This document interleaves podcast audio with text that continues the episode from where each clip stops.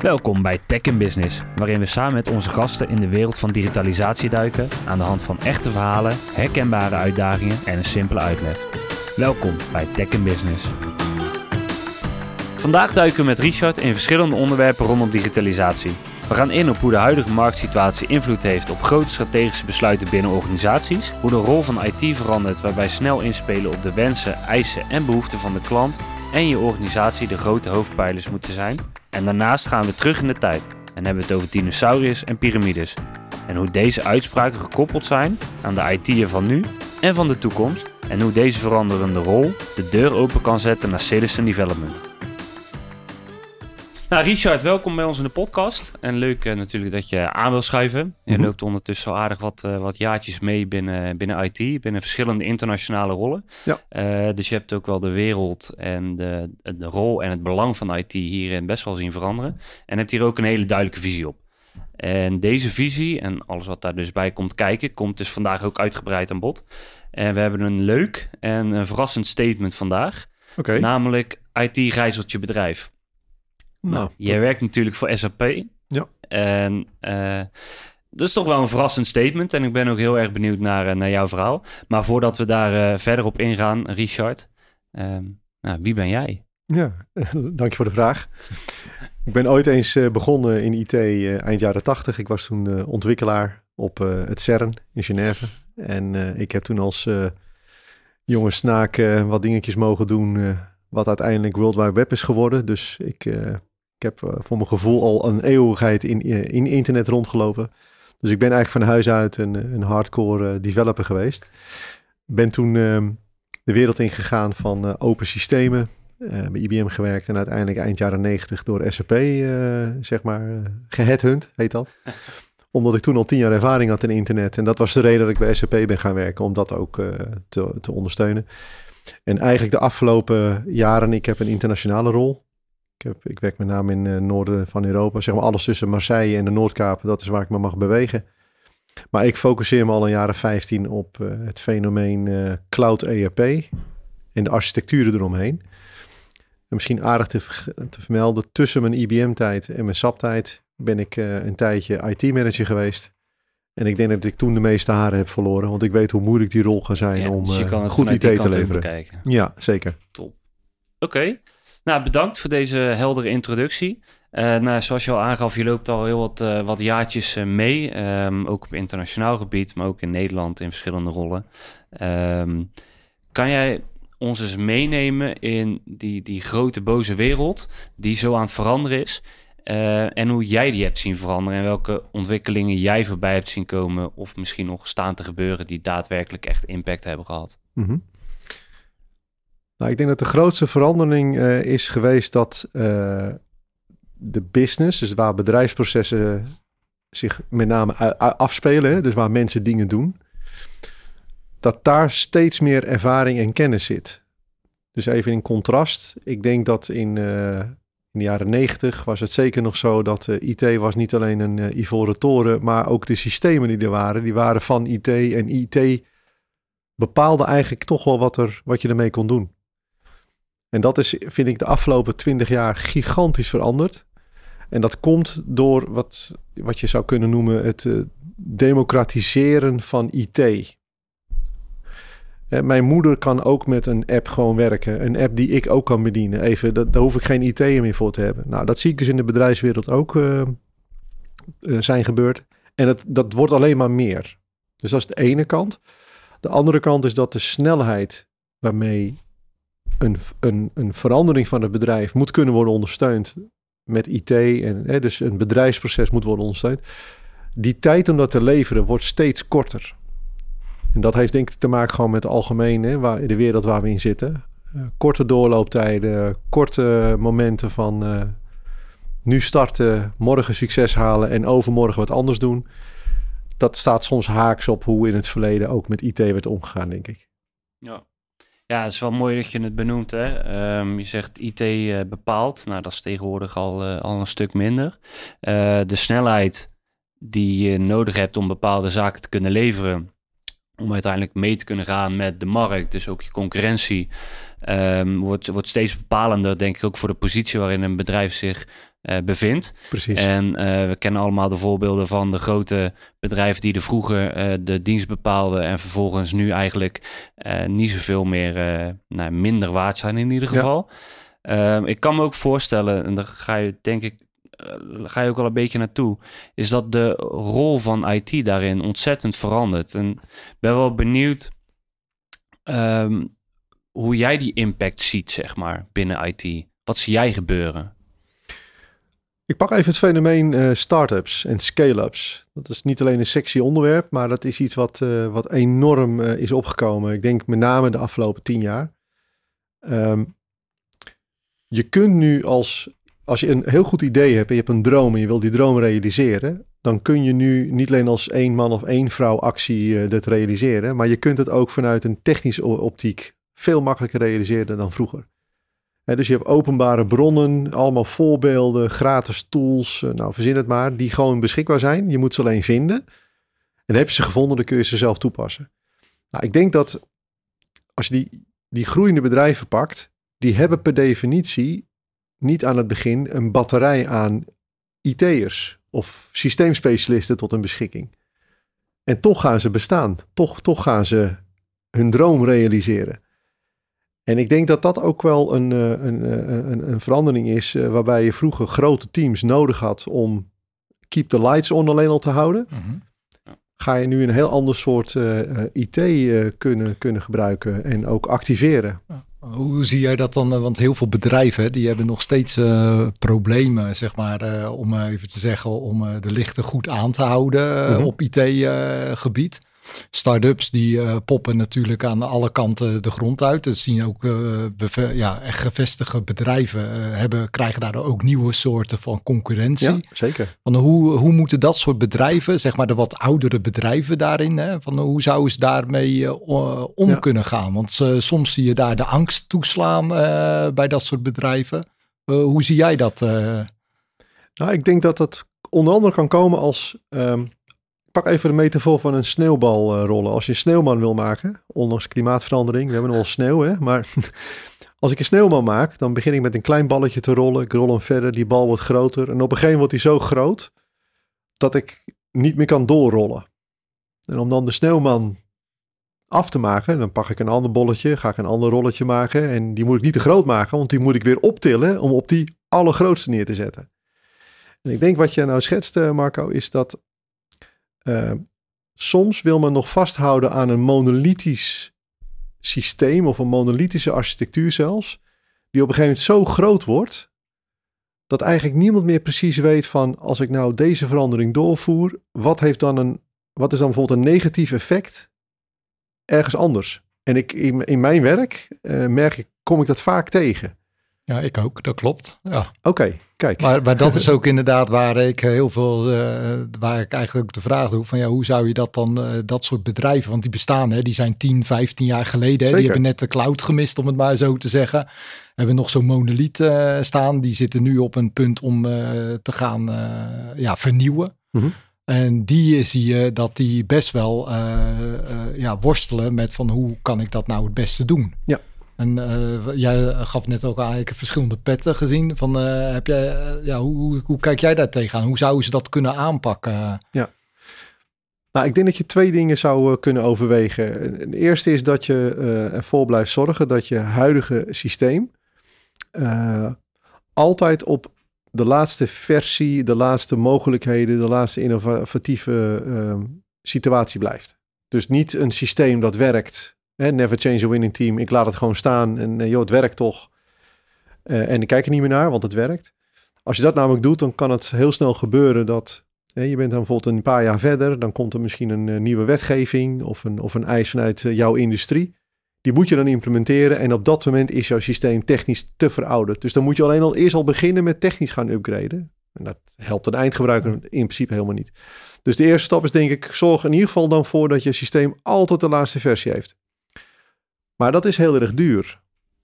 Want ja, je doet dingen met een team. En als je die tijd spendeert, kun je dus geen tijd spenderen aan dingen die misschien uh, sowieso niet door het systeem kunnen worden ondersteund. En waar je eigenlijk een alternatief moet bedenken. Dus dat, dan kom ik op een tweede punt. Ik denk dat een slimmere aanpak kan zijn.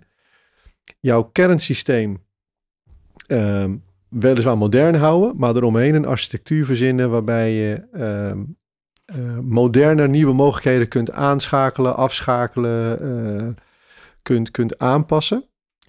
En ik denk dat die tweede stap, waarbij je dus een, een, een architectuur gebaseerde IT uh, opzet, dat die op de lange termijn het beste is. Want dan kun je namelijk de snelheid van wijzigingen zelf beter bepalen.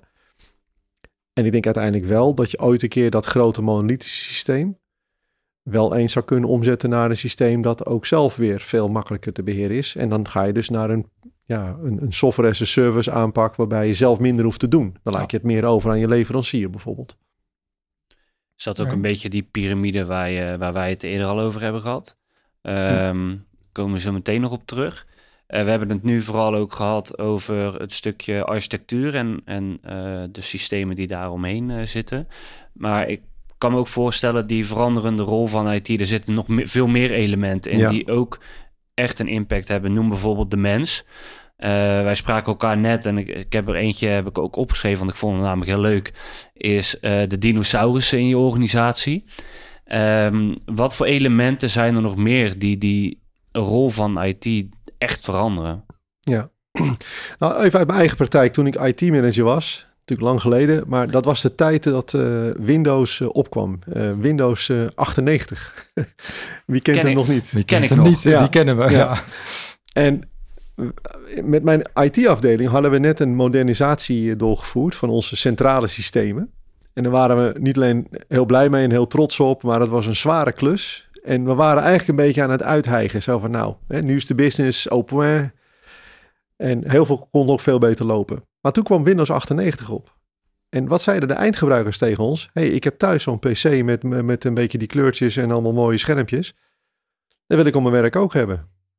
Ja, maar daar hadden wij als IT-afdeling niet alleen op dat moment even geen, geen, uh, geen uh, goesting voor. Maar we hadden er eigenlijk ook zelf geen verstand van. en voor mij was dat een leermoment. Want het is zo dat mensen thuis vaak veel modernere spullen gebruiken. En vandaag de dag helemaal. Hè? Veel moderner dan wat je op je werk hebt. En dat is eigenlijk een beetje raar. Dus ik, ik denk dat de verandering in de mensfactor is... mensen weten zelf waarschijnlijk veel beter wat ze voor hun werk specifiek nodig hebben. En uh, ik denk dat er wel zo'n idee bestaat van macroprocessen en microprocessen. En met name microprocessen waar een mens zelf met name in acteert. Dat weet die mens ook waarschijnlijk zelf veel beter te uh, optimaliseren dan een macro-IT-afdeling bijvoorbeeld. Ja. ja, want dat is ook wel dingen wat wij horen binnen bedrijven uh, waar wij dan ook komen. Is dat uh, vooral de IT-afdeling uh, ook zegt, of eigenlijk de hele business zegt, ja, we hebben jonge lui en die houden maar zo kort aan boord. Precies. Waarom? Ja, die zijn natuurlijk opge, opgegroeid met telefoon, tablet enzovoort. En waar komen ze mee te werken? Met oude ja, schermen. Schermen, laten we het even netjes zeggen. Ja, zeg maar, waar, waar ze zeggen, ja, dit, dit, dit wil ik niet, uh, zeg maar. En dat, ja. dat geven wij ook dat advies, althans die geef ik dan aan die bedrijven. Ja, je zal toch meer moeten gaan zorgen dat je naar de jonge lui toe gaat bewegen. Zeker. Wil je die mensen aan boord brengen? Want anders beginnen ze een eigen bedrijf en komen ze langs zij. Ja, en toch, uh, en dat is uh, in mijn werk ben ik verantwoordelijk voor het, uh, het, het, het, het, helpen herkennen door startups en scale-ups dat je met, met SAP onwijs gave dingen kan doen.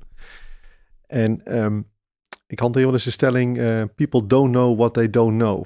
Dus als ik een heel mooie droom heb als start-up en ik weet zelf wat ik nodig heb, dat klopt, dat is ook echt zo.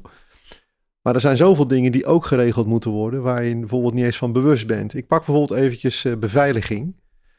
Uh, ja, misschien helemaal geen sexy onderwerp, maar we weten allemaal wat er gebeurt als je gecyberhacked uh, bent. Je bedrijf kan plat gaan. Ja. Dus op een gegeven moment kom je ook als, als start-up of in-house start-up van een groot bedrijf, maar je komt erachter dat er dingen zijn die door specialisten het beste zouden moeten worden uitgevoerd en gecontroleerd. En als je het dan over IT hebt, beveiliging, koppeling, uh, uh, uptime, performance, noem maar op. Daar is IT altijd goed in geweest en daar blijft IT ook echt heel erg in nodig. En ik denk dus dat we naar een situatie gaan waarbij aan de ene kant IT de superspecialist is om randvoorwaardelijke dingen te faciliteren op een manier dat ik die makkelijk kan gebruiken. En gelijktijdig dat IT ook zeg maar de, de richtlijnen geeft, zeg maar de vangrails geeft. Hè?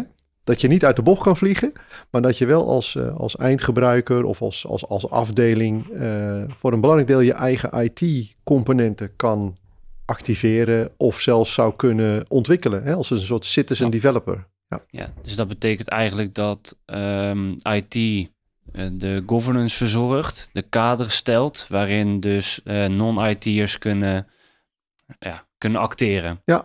Het moment dat je dat toelaat, dus dat je mensen toelaat eigenlijk binnen de, de kaders die je als IT stelt, kan ik me ook voorstellen dat de IT'er, nou noem ik, ik het heel erg, maar de IT'er die we nu kennen, niet de IT'er is van de toekomst. Ja, deel je die mening? Uh, en B, wat is dan die IT'er van de toekomst? Dat vind ik wel een lastige, omdat uh, de IT'er is al lastig te vangen. Want je hebt van die bedrijfsprocessen, die heb je gewoon nodig, omdat je anders als bedrijf niet eens mag bestaan. Je hebt ook van die activiteiten of processen die uh, heel, helemaal, nou, helemaal niks mee van doen hebben, maar super eh, strategisch zijn en zich ook in een heel ander soort systemen uh, af, het afrollen. Dus vandaar dat ik het wel lastig vind om de IT'er te zeggen. Maar misschien in het algemeen, ik denk, en we hadden het even over de dinosauriërs. Een dinosaurier is misschien iemand die um, hele goede kennis heeft opgedaan, sporen heeft verdiend in het opzetten, beheren en in de lucht houden van systemen die hun waarde hebben bewezen. Maar die misschien ook dan iets te dogmatisch blijft vasthouden aan datgene wat altijd is neergezet. En uh, de stelling die je gaf van IT gijzelt je bedrijf, daar, daar, daar, daar, dat maak ik wel eens mee. Als je dan een, een bemensing hebt op IT die niet wil veranderen, maar je hebt niet de macht vanuit het bestuur of vanuit een uh, directiekant of zo, of de business, om IT toch te dwingen dingen op te pakken. Dan heb je een hele vervelende situatie. Ik heb nu concreet iets in, in, een, in een Norix waar dit aan de hand is. En ik heb ook aan het bedrijf, of aan het bestuur, de, de eigenaren gezegd, zijn jullie ervan bewust dat jullie bedrijfsideeën, de strategie, de dingen die jullie willen gaan doen, dat die niet gerealiseerd gaan worden, want men houdt het nu letterlijk tegen. En dat is wel heel vervelend. En dan heb je die gijzelsituatie, denk ik. Ja, en, en hoe, hoe zou je dan daarmee om kunnen gaan? Ik kan me voorstellen, het is een hele delicate kwestie, moeilijk. Uh, maar er zal ook uiteindelijk ook een oplossing voor zijn. Ja, wat zou helpen is, uh, kijk, iedereen is leergierig. Dat ook in het verleden, tuurlijk. Dus ik denk dat het heel erg helpt door onbekende dingen op een goede manier uh, onder de aandacht te brengen. Dus bijvoorbeeld mensen die uh, jarenlang uh, het, eenzelfde IT-omgeving hebben moeten beheren. Misschien zijn die hartstikke geïnteresseerd in nieuwe vormen van ontwikkeling. En dat je dat ook door anderen kan laten uitvoeren. Dus ik denk dat het samenbrengen van verschillende ervaringsniveaus. Dus nieuwe mensen brengen in contact met IT en andersom. Dat helpt. Ik denk ook nauwer de brug slaan tussen IT als ivoren toren en de business waar het om draait in een bedrijf, om dat meer samen te brengen. En een derde is toch ook wel wat uh, op zijn Engels gezegd uh, prescriptive behavior van de directie. We zullen soms ook wel eens gewoon wat hardere besluiten moeten durven nemen. Vanuit een directie. Ja, want geen besluit nemen is in de huidige wereld vaak slechter als een verkeerd besluit nemen en dan terugkomen op een besluit en iets anders gaan doen. En dat is de kenmerk van een start-up. Vaak weet je ook niet hoe dingen zich ontwikkelen, maar je gaat het wel gewoon doen en proberen. Ja.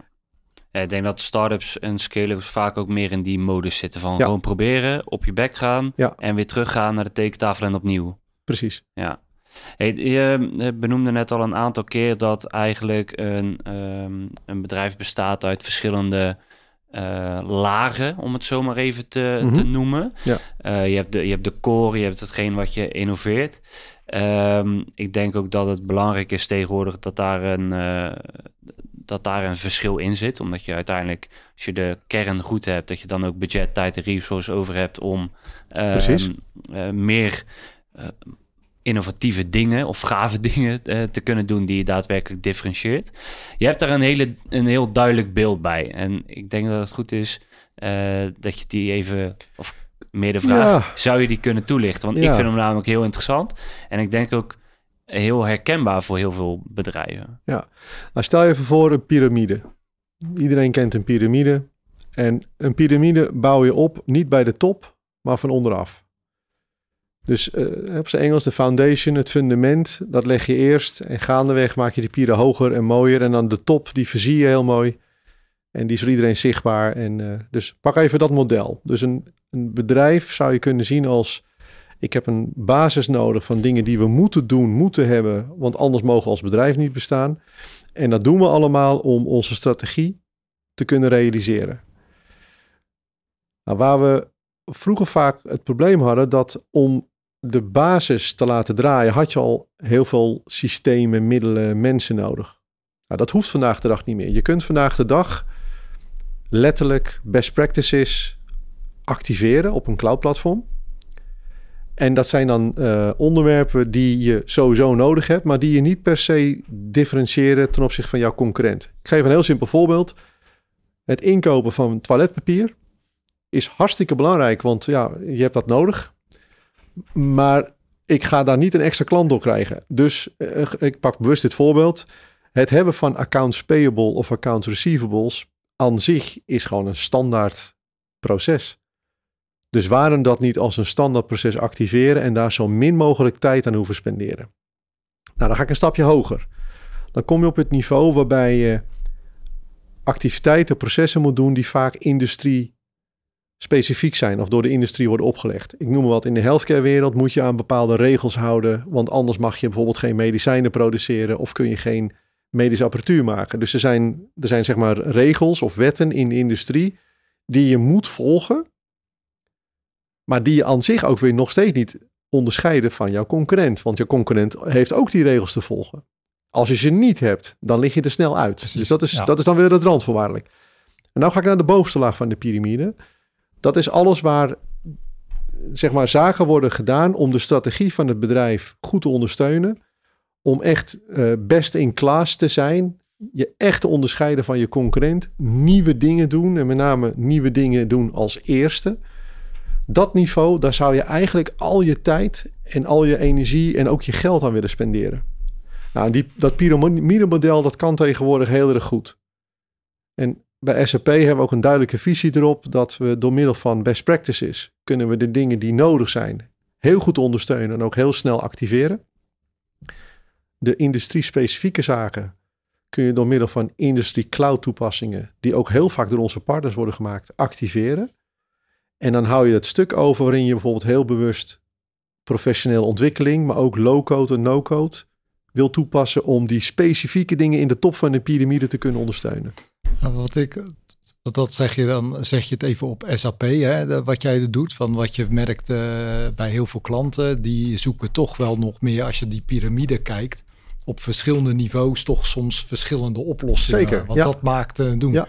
Dus het is, ja, je moet daar ook gaan kijken van hoe is uh, je interoperabiliteit geregeld van ja. dat soort dingen. En daar merk ik uh, vaak dat uh, bedrijven ontzettend mee worstelen. Ja. Van pak ik dan inderdaad van één leverancier heel veel uit de stek.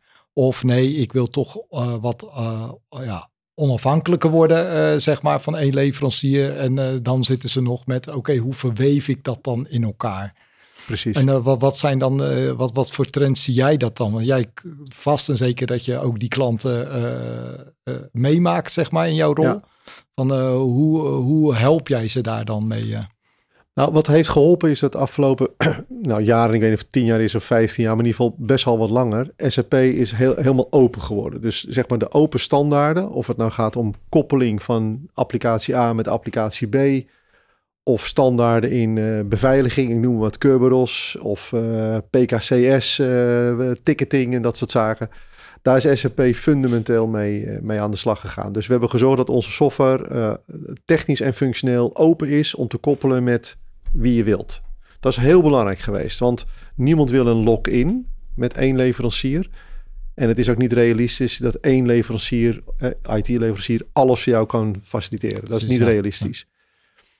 Dus uh, hoe wij, oh, ik zelf, maar hoe wij onze klanten helpen, die bijvoorbeeld al heel lang geleden een keuze voor SAP hebben gemaakt, is hun uh, te laten ontdekken van wat je met de huidige stand van SAP kunt, kunt bereiken. hoe je daar kunt komen. Hè? Dus wat voor een move, wat voor een migratie zou je kunnen uitvoeren. En het komt even vaak voor dat mensen niet willen migreren, een oud systeem naar een nieuwe versie brengen. Maar er zijn steeds meer bedrijven die zeggen, weet je wat, wij willen aan de ene kant Greenfield met de allernieuwste middelen aan de slag gaan. Dat koppelen we aan het systeem wat we nu nog hebben, omdat dat voorlopig nog zijn waarde heeft bewezen en daar willen we nog niet vanaf. En dan krijg je een soort van hybride model of een two-tier model. En dan heb je vaak best of both worlds. Dus dat zijn wat, wat sfeerbeelden hoe wij proberen onze klanten erin uh, te helpen. Ja, ja, en hoe kijk je dan van, uh, we hebben het heel even net over architectuurstromingen doen. Hè? Een van de dingen is uh, de composable application ja. architectuur die nu heel erg opkomt. Omdat vroeger zat je voor de, voor de luisteraars in ieder geval zat je, en misschien herkent men dat wel, had je zes verschillende programma's open. Je zat copy-paste van het ene programma naar het andere programma doen. En eigenlijk wil je gewoon vanuit één programma kunnen werken. Ja. Uh, van uh, van uh, de, dat, dat soort zaken zien, zien we vaak gebeuren. Maar dat, dat soort nieuwe architectuurstromingen. Want ik merk bij bedrijven waar we dat uitleggen dat het best abstract is voor de meeste mensen nog, dat verhaal, totdat we het een keertje laten zien. Ja. Hoe speelt bijvoorbeeld een SAP daarop in, op dat soort nieuwe stromingen? Nou, het voorbeeld wat je gaf met uh, zoveel schermen open en ik moet uh, copy-paste doen en dat gaat natuurlijk een keer mis. Hè? Even als ik dat voorbeeld even pak. Een van de onderwerpen die we in onze architectuur uh, concreet aanbieden zijn wat wij noemen IRPA, dus Intelligent Robotics Processing Architecture. Dus dat zijn zeg maar de webbots, de intelligente middelen om bijvoorbeeld het handmatige kopieerwerk, dat, dat automatiseren. Dus je doet aan zo'n webbot dat één keer voor je maakt zeg maar een filmpje van jouw handelingen en dan weet die webbot van hey, de volgende keer kan ik dat gewoon zelfstandig doen. Dat is vaak een eerste makkelijke stap om losse systemen op het glas, noem ik het zeg maar, uh, met elkaar te koppelen. Een andere manier om dat uh, te verbeteren is dat je applicaties echt met elkaar verknoopt. Hè? Dus op basis van API's, dus moderne koppelingen. Uh, de output van de ene applicatie is de input voor de andere applicatie. En op die manier ga je zeg maar jouw proces automatiseren. Daar hebben we dus een, een platform voor om dat uh, ook te ondersteunen. Dus de tweede kant. En dan de derde kant, composable architecture. Ik, denk, ik weet niet of je dat bedoelt, maar ik denk dat je onder andere uh, kunt herkennen dat je, um, je hebt je applicaties waar je mee, mee, werkt. Maar ik heb nog heel veel manueel werk wat ik nog steeds moet doen. Dat je dat manuele werk, dat je dat ook nog probeert te automatiseren. En dan zou je bijvoorbeeld met low-code heel mooi uh, de, de business zelf applicaties kunnen laten maken. Waarbij je manueel werk wordt voorkomen en de integratie met je bestaande systemen gegarandeerd wordt. En dan hebben wij iets dat bijvoorbeeld uh, op ons platform draait. Uh, SAP AppGyver bijvoorbeeld is daar een voorbeeld van. Ja. Oké. Okay. Hey Richard, je benoemde net ook nog een, um, nou ja, een aantal keren de cloud. Mm -hmm. um, de cloud is er natuurlijk al, uh, al heel lang, al klinkt het voor heel veel bedrijven nog heel nieuw. Um, en ik denk ook dat je daarmee, uh, je benoemde net dinosauriërs, dat er ook nog wel een, een angst zit van bedrijven om naar de cloud toe te gaan. En die eigenlijk het liefst nog steeds on-premise blijven draaien, want dat is veilig, dat is uh, mm-hmm. makkelijk te controleren. Um, twee vragen. Enerzijds, waar komt die angst vandaan? En is het terecht? Ja. Nou, waar komt die angst vandaan? Kijk, alles wat ik niet zie, dat is er dus niet. Ja, ja, nee, ja. Ik, ik, ben niet zo filosofisch aangelegd, maar ik ken een kreet van uh, beroemde schrijver Goethe uit Duitsland.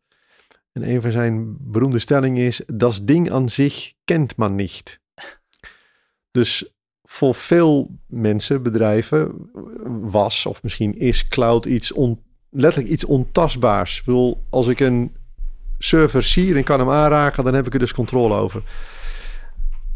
Dus dat, dat is denk ik een, een van de redenen. Ik denk wel dat dat uh, probleem van uh, cloudangst uh, wel rap weggaat. Omdat we maken allemaal gebruik van de cloud. Of het nou thuis is wanneer je bijvoorbeeld Netflix kijkt of überhaupt televisie kijkt.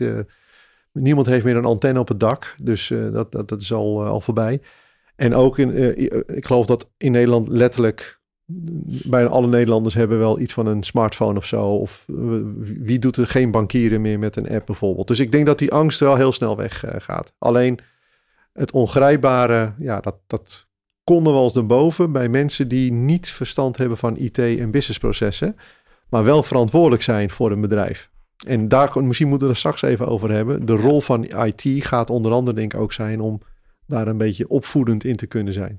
En dan de tweede vraag van is dat terecht? Uh, ik denk dat het niet terecht is. Ik geef een voorbeeld.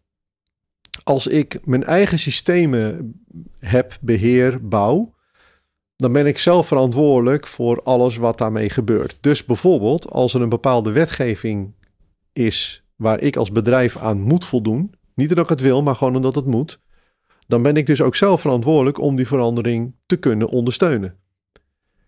Maar wat nou als ik op dat moment niet de mensen heb of de, of, of de ervaring om die verandering door te voeren? Ik heb geen keuze om te wachten, want het is verplicht.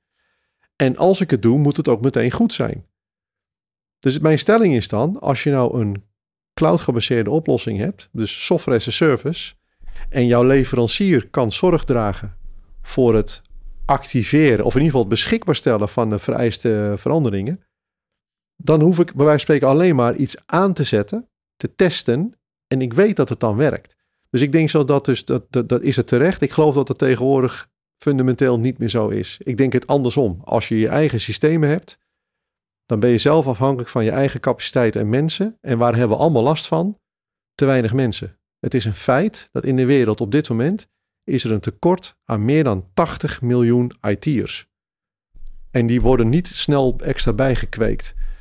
Een ander cijfer dat ik laatst las, in Amerika geeft bijna 69% van de bedrijven aan dat ze niet veranderingen kunnen doorvoeren omdat ze de capaciteit niet meer zelf hebben. Dus dan, ja, daarmee. Waar, waar ik nog even mee zit, want uh, de, het, meestal als mensen kiezen, hè, gaan we wel in de cloud, niet in de cloud, uh, zeg maar, hoor ik ook vaak nog het onderwerp van uh, performance.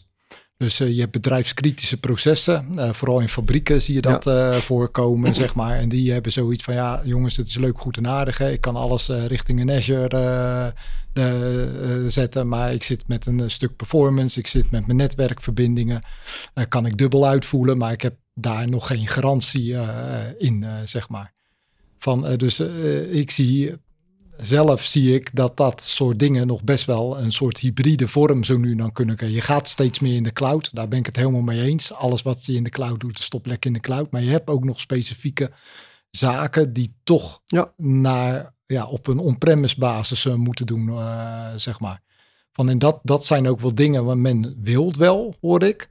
Maar men heeft gewoon voornamelijk in de fabrieken eh, zien we, horen we dat uh, terugkomen. Hey, uh, ik wil toch niet zo snel naar die dingen toe. Mm Van, en dat betekent ook dat als je naar architectuur gaat kijken, zeg maar, moet je daar oplossingen voor hebben. Voor on the edge, hè, dat zijn de mooie termen die je in de markt hoort. Van hoe, hoe, hoe doen jullie dat? want ja, jullie zijn daar ook met, om even te kijken met SAP, zitten jullie ook veel in die markten. Nou, het begint ermee dat de ondersteuning die gevraagd wordt, dus zeg maar de functionaliteit, de, de mogelijkheden, die moeten eigenlijk onafhankelijk zijn van het, eh, het deployment model. dus of ik nou wel of niet dingen allemaal on-premise zou doen, of juist bewust in een public cloud, of misschien in een private cloud. Eigenlijk zou de ondersteuning onafhankelijk daarvan moeten zijn. dat, om daarmee te beginnen. Dan, daarnaast, we hebben uh, een groeiend aantal klanten dat volledig industrie 4.0 fabricatieprocessen draaien helemaal in de cloud. Alleen, je hebt, en daar heb je zeker een punt, je hebt altijd dat moment van cloud to edge. een vorkheftruc moet rondrijden en moet wat oppakken in een, in een, in een warehouse om het te verplaatsen. Een, een, een stansrobot moet een opdracht krijgen om te stansen en dan terug te geven dat het al of niet is gelukt. Dus je hebt altijd die, die klik of die, die connectie van cloud naar edge.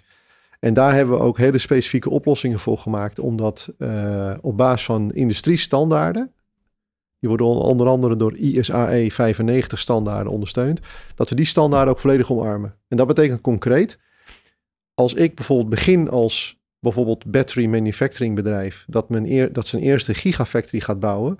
In het begin is dat die gigafactory nog klein. Kan ik alles doen in de cloud? En kan ik ook letterlijk uh, bijvoorbeeld mijn manufacturing execution op basis van cloud koppelen aan mijn fysieke machines? Letterlijk. De, de, de, de, de workstations uh, waar, de, waar de productie plaatsvindt. Maar stel je voor dat groeit en dat, dat schaalt door. Dan wil je de mogelijkheid hebben om op een gegeven moment te zeggen: Ik wil nu bepaalde dingen op een op de edge, dus zeg maar fysiek on-premise neerzetten vanwege latency. Maar ook wel vanwege andere redenen. Bijvoorbeeld, ik heb ehm, meer uh, vrijheden nodig om uh, te kunnen koppelen of meer vrijheden nodig om uh, data uit te wisselen. En wat we proberen bij SAP is in ieder geval de beide, de beide ja, de verschillen beide goed kunnen ondersteunen. Het is niet zo dat we maar op één ding wedden of het andere totaal negeren. Dat, Even nog over latency. Uh, dat, dat komt, dus ik zei in het begin van deze podcast dat ik vroeger op CERN uh, had gewerkt. En ik ben onder andere bezig geweest om hele kleine stukjes, uh, ik ken mijn rol, maar hele kleine stukjes in het TCP/IP en FTP-protocol te mogen helpen ontwikkelen. En um, de latency in internet wordt vaak gebruikt als een reden dat je dus niet kunt werken met puur cloud gebaseerde bijvoorbeeld EEP of supply chain systemen. En dat is naar mijn mening niet waar. Wij hebben klanten in bijvoorbeeld Australië, die al jarenlang met duizenden gebruikers heel fijn werken in een SAP-systeem, eh, in een EEP-omgeving, terwijl de EEP-omgeving fysiek op een dual datacenter in Europa staat. De latency aan zich is, is een non-topic. Maar wat vaak wordt vergeten is, als je een TCP/IP-verbinding hebt en als de bandbreedte bijvoorbeeld 5% minder breed wordt, dan heeft dat een giga-impact voor de eindgebruiker. Bijna 50% gaat aan jouw scherm trager lijken. Dat heeft te maken met het gedrag van TCP/IP. En wanneer gebeurt dat? Omdat op internet in de bandbreedte wordt heel vaak bandbreedte verloren door bijvoorbeeld spoofing. Het gebeurt vaak als je in Azië zit. Er zijn, of, in, of in landen waar de overheid heel sterk controleert. Die gaan we dus kijken wat er over verbindingen gebeurt. En zo'n kleine verandering zie je niet als eindgebruiker. Kun je ook niet sturen als IT-afdeling. Maar hebben, die hebben een gigantische impact. Dus soms is het zelfs handiger om een dunne, maar totaal vaste lijn te hebben waar niemand in kan spoeven. Waar niemand ook een gat in kan maken of zo.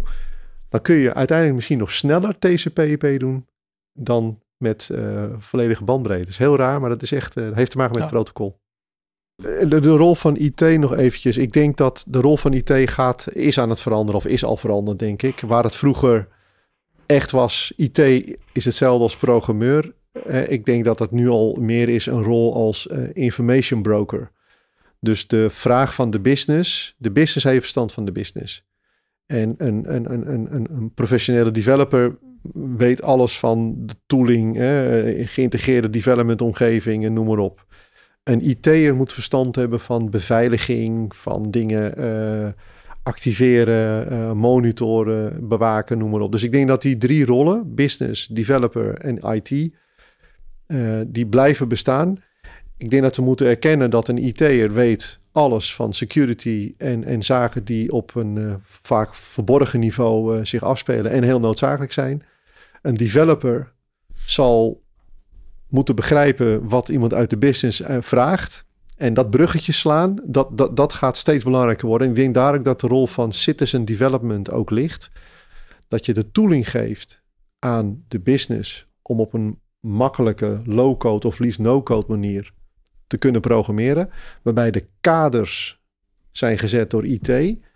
En eh, zeg maar de integratie van jouw eigen composable, je eigen apps bijvoorbeeld, op een goede manier gebeurt en dat dat ook goed kan worden begeleid door uh, professioneel development. Ik denk dat ergens dat spel steeds meer uh, gespeeld gaat worden. Ja, ik denk dat wij het daar ook wel, uh, wel mee eens zijn. Ik denk citizen development wordt voor steeds meer organisaties belangrijk. merk ook al dat er heel veel organisaties daarin nog wat terughoudend zijn. die willen het eerst be bewezen zien of die vinden het eng. En dat snap ik op zich ook wel, want het is natuurlijk ook wel wat om mensen uit de business hun eigen applicaties te laten ontwikkelen. Um, mits je inderdaad uh, geen goede kaders neerzet. Want dan is men bang voor een, uh, een wildgroei aan applicaties en aan dingen wat niet te controleren is. Nou, kijken naar security, naar governance is dat natuurlijk wel uh, iets waar een angst in kan zitten. Ehm, ik denk ook wel dat de veranderende rol die we net hebben besproken vanuit IT met een toevoeging van het standaardiseren en de cloud digitaliseren, wel de deur open heeft gezet uh, naar citizen development. Mm -hmm. um, ben ook wel benieuwd, want citizen development is net als uh, uh, digitalisatie en automa of automatisering, et cetera, een redelijk breed begrip. En ik denk dat heel veel mensen daar misschien ook nog wel een andere definitie bij kunnen hebben. Hoe zie jij dit? Dus hoe zie ik het citizen development uh, onderwerp binnen bedrijven ontstaan? Is dat... Ja. Nou, even over, eerst over de tekorten aan tijd. De, per definitie, als je, als je iemand vraagt hoe gaat het, het is druk. Ik denk dat bij IT-afdelingen is het altijd te druk. En uh, we moeten toch uh, werken met budgetten, uh, beschikbaarheid van mensen. Je hebt natuurlijk ook te maken met prioriteiten, noem maar op. Hè. Dus stel je voor, je bent nu bezig als bedrijf om je, als ik SAP mag noemen, een verouderde SAP-omgeving fors te gaan moderniseren naar S4HANA. Dat is een super strategisch project. Ik kan me voorstellen dat trekt veel resources en dan is er bijvoorbeeld eventjes geen tijd om iets belangrijks van die en die afdeling aan te pakken. dus dat, nou, dan heb je denk ik een situatie dat citizen development uh, heel goed kan helpen. Door de, de, de urgentie van de business, zeg maar, te kunnen uh, uh, afdekken. Hè? Dus je kunt jezelf helpen. Terwijl wat je dan maakt, kun je blijven gebruiken wanneer we bijvoorbeeld dat grote migratieproject hebben afgerond. Dus en waarom is dat belangrijk? Want als je niet de mogelijkheden geeft aan bijvoorbeeld een, uh, een, nieuwe afdeling die opgericht is. Of uh, je hebt een acquisitie gedaan van een bedrijf en je wil dat ergens inbinden in jouw bedrijfsmodel, jouw bedrijfsprocessen. Als je dat niet doet, gaan mensen zelf oplossingen vinden. En dan krijg je volgens mij het gevaar dat je een soort van shadow IT krijgt, die niet zichtbaar is. Ja. En het kan tegenwoordig, want als ik nu uh, even Google, dan vind ik heel veel gratis apps en ik kan alles zelf gewoon als een abonnementje afnemen.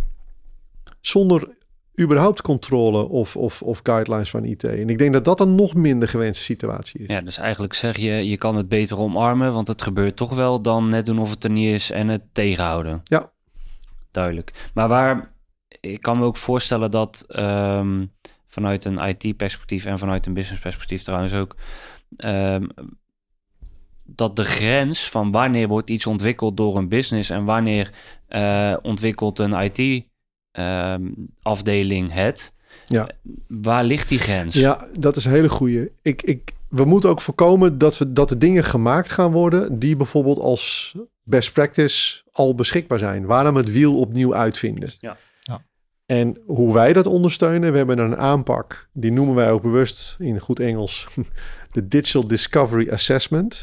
Dat is een, niet zozeer een tool, maar het is ook een methodiek om zeg maar de best practices die SAP heeft. Zie het eventjes als Lego blokjes in allerlei kleuren en smaken en groottes. Ja, ik, wil een huis bouwen, ik heb Lego blokjes nodig. Welke Lego blokjes heb ik nou nodig? En als ik nou een Lego blokje dan onverhoopt niet ga vinden, wat we niet gaan doen is een Lego blokje in tweeën zagen. Want ja, dat, dan kun je het Lego blokje niet meer gebruiken. Nee, dan pak je dus mogelijkheden om een extension te maken. Dus je houdt de core clean, zoals het heet. Dus je houdt je best practices, die, die hebben een nut bewezen. Maar dan ondersteun je een extension door middel van bijvoorbeeld citizen developmentship. En op die manier kunnen wij die, die, die, die uitersten, zeg maar, eh, heel netjes afdekken. Ja, dus eigenlijk zeg je, hou het standaard zodra het standaard kan en zodra het er is. Ja. En zodra het niet meer standaard is of het past net niet, ga dan pas kijken naar Precies. andere mogelijkheden, zij het low-code. En een van de dingen die dus bij, met alle respect voor de dinosauriërs, want die hebben natuurlijk fantastisch werk verricht, laten we dat wel wezen.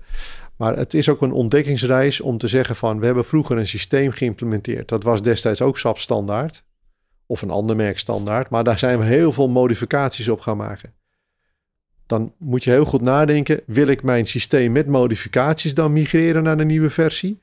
Of zullen we gelijktijdig ook gaan zorgen dat modificaties die vroeger nodig waren, want ze waren er niet, waren, ja. dat je die nu fundamenteel omzet naar dit zijn de best practices. Daardoor kun je meer gebruik maken van de SaaS-dienst die jouw leverancier jou biedt. Dat is de onderkant van de piramide. En de tijd die ik dan overhoud, kan ik dan spenderen aan de top van de piramide, namelijk de specifieke ontwikkelingen die wij nodig hebben. En dan heb je denk ik een best of both worlds uh, bereikt. Ja, precies. maar dat, dat betekent ook wel als mensen dat, daartoe uh, dat willen, hè? Van, uh, vanuit SAP, zeg maar, van zitten jullie er dan in, jongens, pak alsjeblieft gelijk de core en zorg ervoor dat eigenlijk de, de dingen die je ooit hebt ontwikkeld, kijk hoe die opnieuw past binnen het huidige landschap. Misschien is er al een oplossing voor. En als dat niet past, dan grijp, uh, grijp uh, naar uh, ja, een citizen developer of een low-code platform of een no-code platform. Afhankelijk natuurlijk van wat jij wil bereiken qua functie. Ik denk wel dat dat de volgende moet zijn. Dus je moet, je moet niet weggooien wat cruciaal is en, en zeg maar een, een, jouw onderscheid ten opzichte van je concurrent. Dus je moet zeker niet dingen weggooien om maar het weggooien. Nee, je moet zorgen dat uh, aan de ene kant uh, dat je de standaarden omarmt om, waar we mee begonnen, snel te kunnen leveren, flexibel te kunnen zijn en, uh, en gelijktijdig ook tegen de laagst mogelijke kosten. En de ontwikkelingen die je in het verleden hebt gedaan, die nog steeds vandaag de dag nodig zijn en die je niet vindt in standaard, dat je die ook zeker blijft gebruiken. Alleen moet je misschien ze anders koppelen. Dus waar we vroeger toch wel modifying code hadden, ja dat in de moderne wereld, een van de moderne cloud qualities, in ieder geval bij SAP, is keep the core clean. Dus je kunt geen modifying code meer maken. Maar we hebben meerdere manieren om extensions te ondersteunen. En in onze ervaring is dat een, een hele goede manier om uh, de beide eisen uh, af te dekken. Hè? Uh, standaard versus heel specifiek voor ons belangrijk. Ja. Wat, wat ik naar voren wil komen is ook een, um, binnen het citizen development, maar ook binnen de veranderende rol van IT die we net bespraken, is dat de samenhang en samenwerking tussen IT en business dus echt een cruciale factor gaat zijn of al is om uiteindelijk succesvol te kunnen digitaliseren en uiteindelijk die mm te kunnen blijven inspelen op de, op de vragen van de markt. Um, van de oudsher waren dit nou niet echt de twee beste vrienden. En ging het nou niet altijd even, even lekker tussen die twee. Als je nou kijkt naar hoe, hoe men dit succesvol kan gaan uh, implementeren. Want ik denk namelijk dat heel veel bedrijven nog aan het begin staan, namelijk van, dit hele, uh, van deze hele ontdekkingsreis. Um, als jij een aantal succesfactoren zou kunnen benoemen, wat, wat zouden dat dan zijn? Nou, wat heel erg helpt is als je um, voorbeelden eh, kunt gebruiken, zeg maar modellen waarin je die, die zeg maar als een landkaart als eerste zou kunnen oppakken.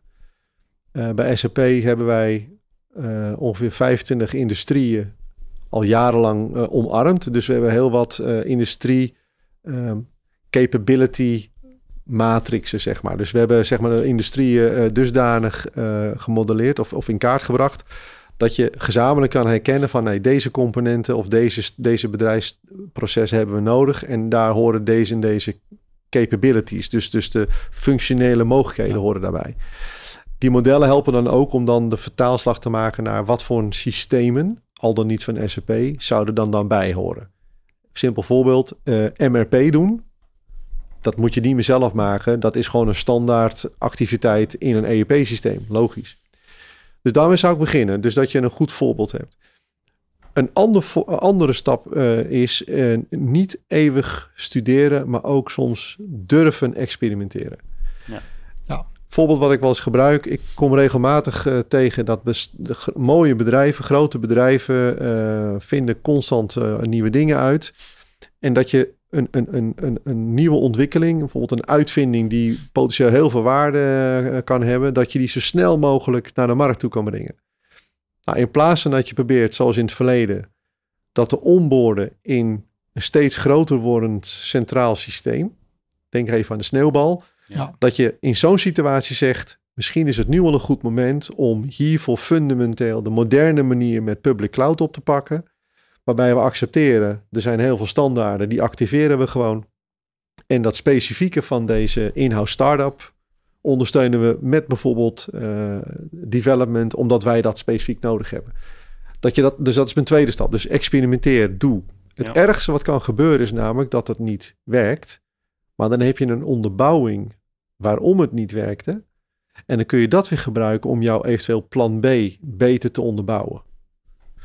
De derde stap is denk ik, en dat is het laatste voorbeeldje misschien, ehm, probeer niet ehm, een ander bedrijf te vinden dat precies hetzelfde heeft gedaan, want dat is raar. Als jij iets unieks hebt, dan is het uniek. Dan ben je dus de eerste. Dus pak nou de kans dat je de eerste bent en neem dan een, een, een goede consultancy in de arm die net als een huisarts of je apotheek prescriptive zeg maar jou kan helpen die dingen te doen zodat je iets nieuws onder, onder een goede begeleiding van een, eh, een specialist uh, gaat realiseren. En dan moet je wel als kanttekening daarbij dat als je als bedrijf iemand inhuurt om inderdaad de prescriptive, prescriptive, misschien moet ik het gewoon niet zeggen. Als je iemand inhuurt om dat daadwerkelijk voor je te doen, dat je er wel naar luistert. Ja, net als met je huisarts. Hoe vaak als je naar je huisarts gaat of je apotheker, hè, uh, hij of zij doet een onderzoek en, en dan, dan komt er een advies. Dat kan zijn een medicijn of een bepaalde aanpak. Hoe vaak weerleg je dat? Nou, eigenlijk nooit. En een hele enkele keer wil je een second opinion hebben. Dus ik denk ook wel dat het een stukje vertrouwen is wie je dan benadert, maar dat je ook wel vanuit mag gaan dat gespecialiseerde partners, van SAP in dit geval, ook verstand hebben en ook stelling durven nemen en soms ook gewoon nee zeggen. Ja. Ik denk dat dat best wel een grote uh, verschuiving is voor een hoop bedrijven, wat je zegt. Want uh, ik, ik, ik, herken dit ook, uh, dit verhaal. Ik zit nog iets anders in. Hè? Als je denkt iets unieks te hebben, ga inderdaad ook niet op zoek naar iets unieks. Want misschien ben je wel helemaal niet uniek, maar dat weet je nog niet. Maar ga het gewoon in de markt zetten. Want als mensen daarom zitten te vragen, is er altijd vraag. En hoe groter je wordt, kan je altijd eens kijken, hey, komt er een speler langs zij of wat dan ook, kan je altijd nog overstappen. Dus zorg dat innovatie juist niet afgeremd wordt, maar omarm het juist bij uh, de mensen, laat ze gaan.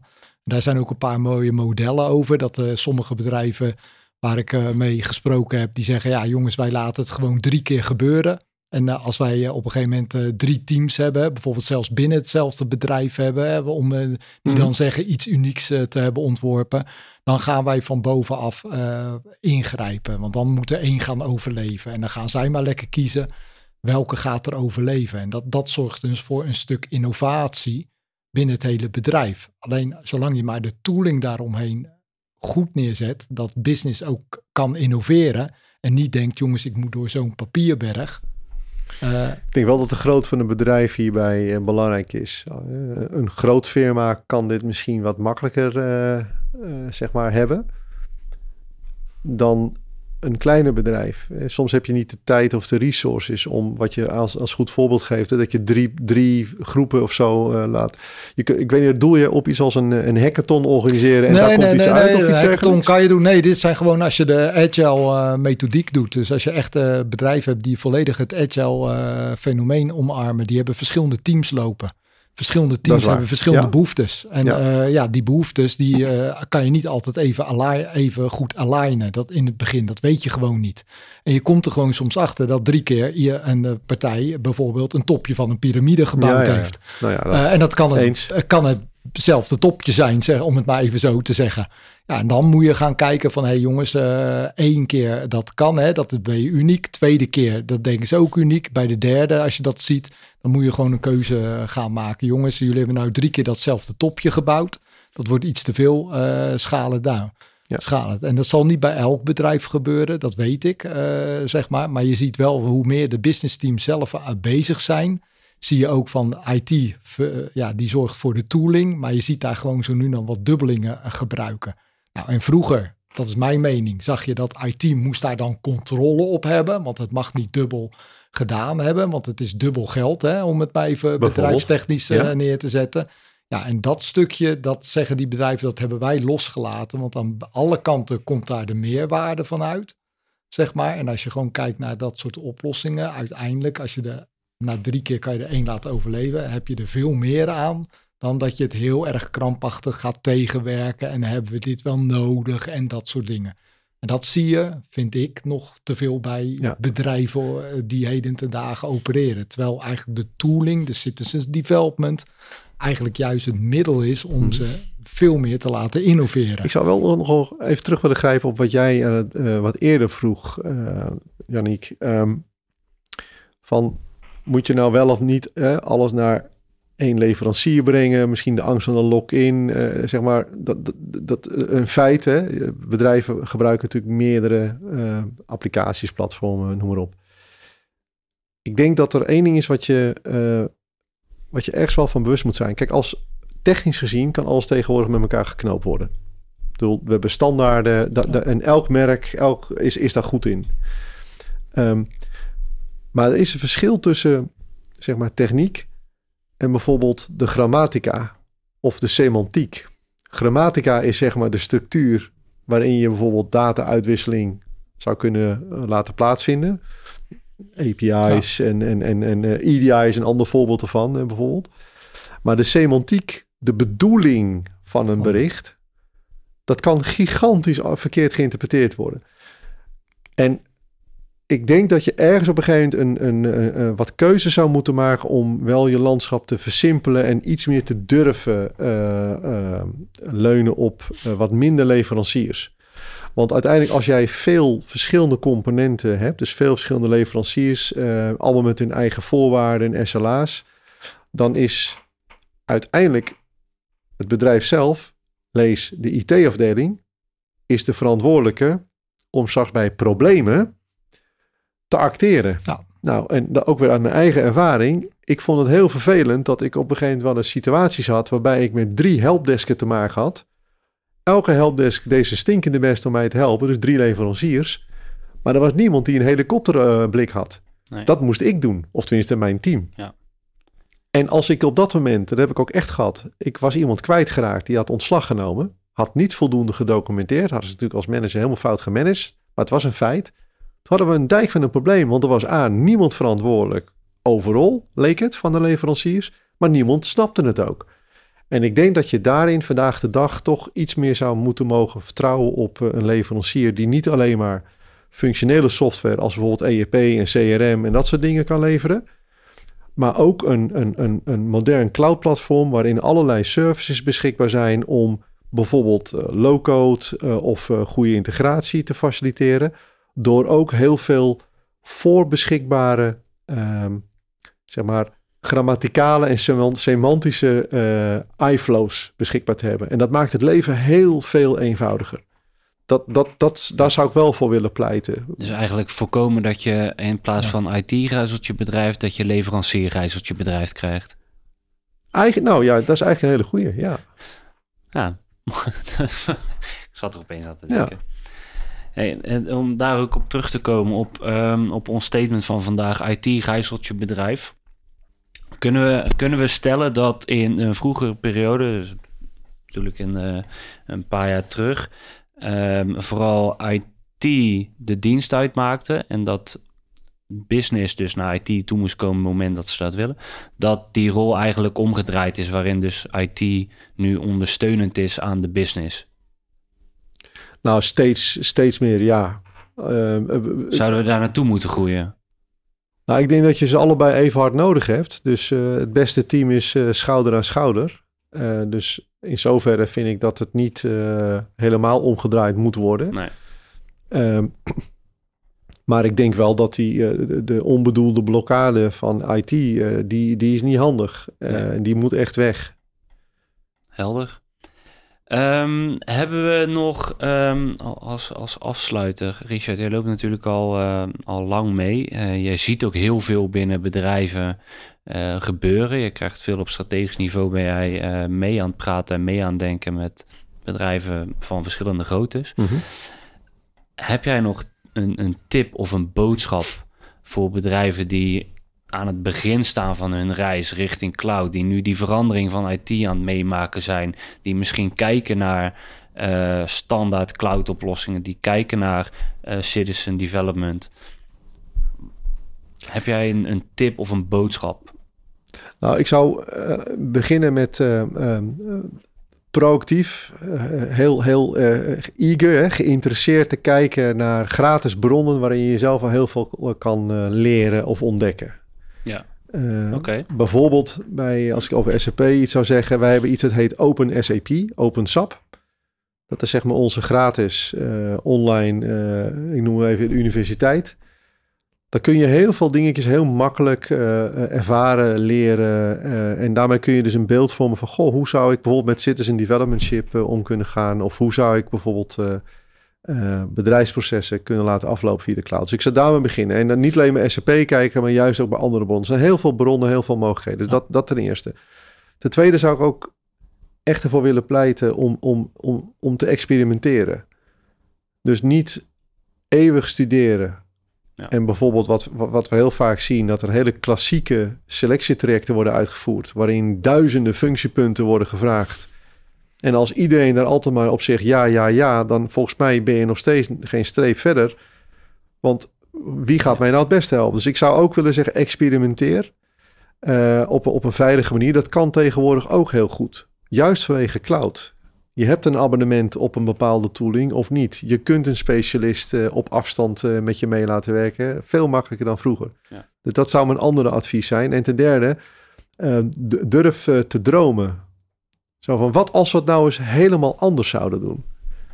En ja, misschien dat dat uh, het begin kan zijn voor uh, een beetje omdenken hier en daar. Ja, ik denk dat dat ook een hele mooie is om mee te nemen. Durf te dromen. Um, Richard, wil ik jou in ieder geval ontzettend bedanken voor dit uh, leuke en interessante gesprek. Zeker. En ehm, ik denk dat wij elkaar nog veel vaker gaan spreken in de komende periode. Graag tot ziens dan. Ja, tot ziens. Ah, dankjewel. Dus, IT-ruis je bedrijf? Het ligt er maar net aan hoe je dit zelf inricht. Maar er zijn ontzettend veel manieren om dit niet te laten gebeuren. Van citizen development tot standaardisatie en het stellen van kaders door IT blijf je in controle, maar geef je wel de ruimte om snel te voldoen aan vragen en eisen van je klant. Voor iedereen die geluisterd heeft, deel deze podcast met je netwerk. Laat ons weten wat je ervan vond. En mocht je vragen hebben, kun je ons altijd bereiken via onze website. Bedankt voor het luisteren en hopelijk tot bij onze volgende podcast. Eden. Technology made human.